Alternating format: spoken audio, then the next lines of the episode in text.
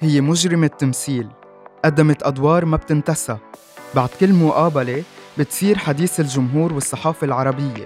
مرقت بظروف صعبة ضعفت قويت تحدت وما استسلمت.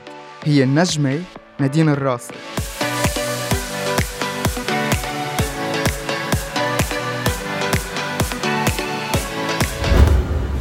علمونا انه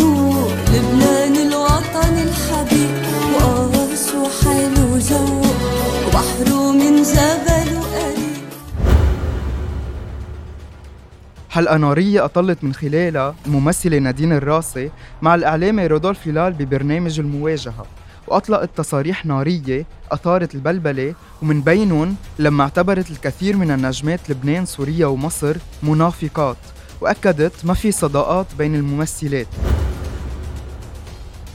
كما أنه أكدت الجمعة يلي صارت بين الممثلات لبنان كانت مبادرة حلوة مش أكتر ووقت الجد بيصير في شت شعب. حياة نادين الراسي انتشرت إلى العلن وأثارت زوبعة على مواقع التواصل الاجتماعي بين قصص الحب الطلاق المشاكل العائلية وبسبب زوجها الثاني قدر ياخد حضانة الأولاد واليوم نادين الراسي محرومة من أولادها. كما أنه أكدت عم بتعيش المساكنة مع خطيبها الجديد ومستعدة للزواج للمرة الثالثة وما عندها مشكلة أبدا تجيب المزيد من الأولاد رغم أنه خطيبها أصغر منها بثمان سنوات اعتبرت أنه رجال بالحكي وبالفعل.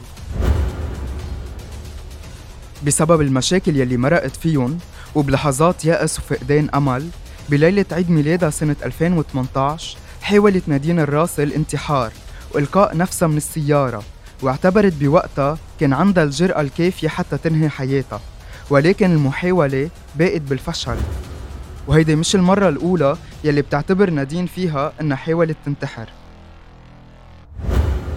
دخلت نادين الراسي عالم التمثيل بعمر ال 17 سنة وب 2018 قررت الاعتزال رغم اسمها الكبير والنجاحات يلي حققتهم بعالم التمثيل.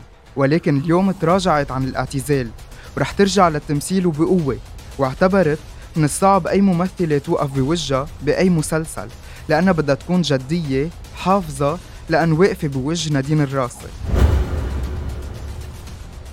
كما أنه نادين الراسي شاركت بالثورة رغم انتمائها الحزبي وحبها الكبير لرئيس الجمهورية اللبنانية ميشيل عون وأكدت أنها ضد الهجرة ولكن بسبب هالظروف اللي عم نمرق فيها ما في حل تاني وطالبت الثوار عدم قطع الطرقات بل التوجه مباشرة إلى بيوت السياسيين. بلد التعايش وما في طائفية وما حدا حائد عالتاني وكله صافي.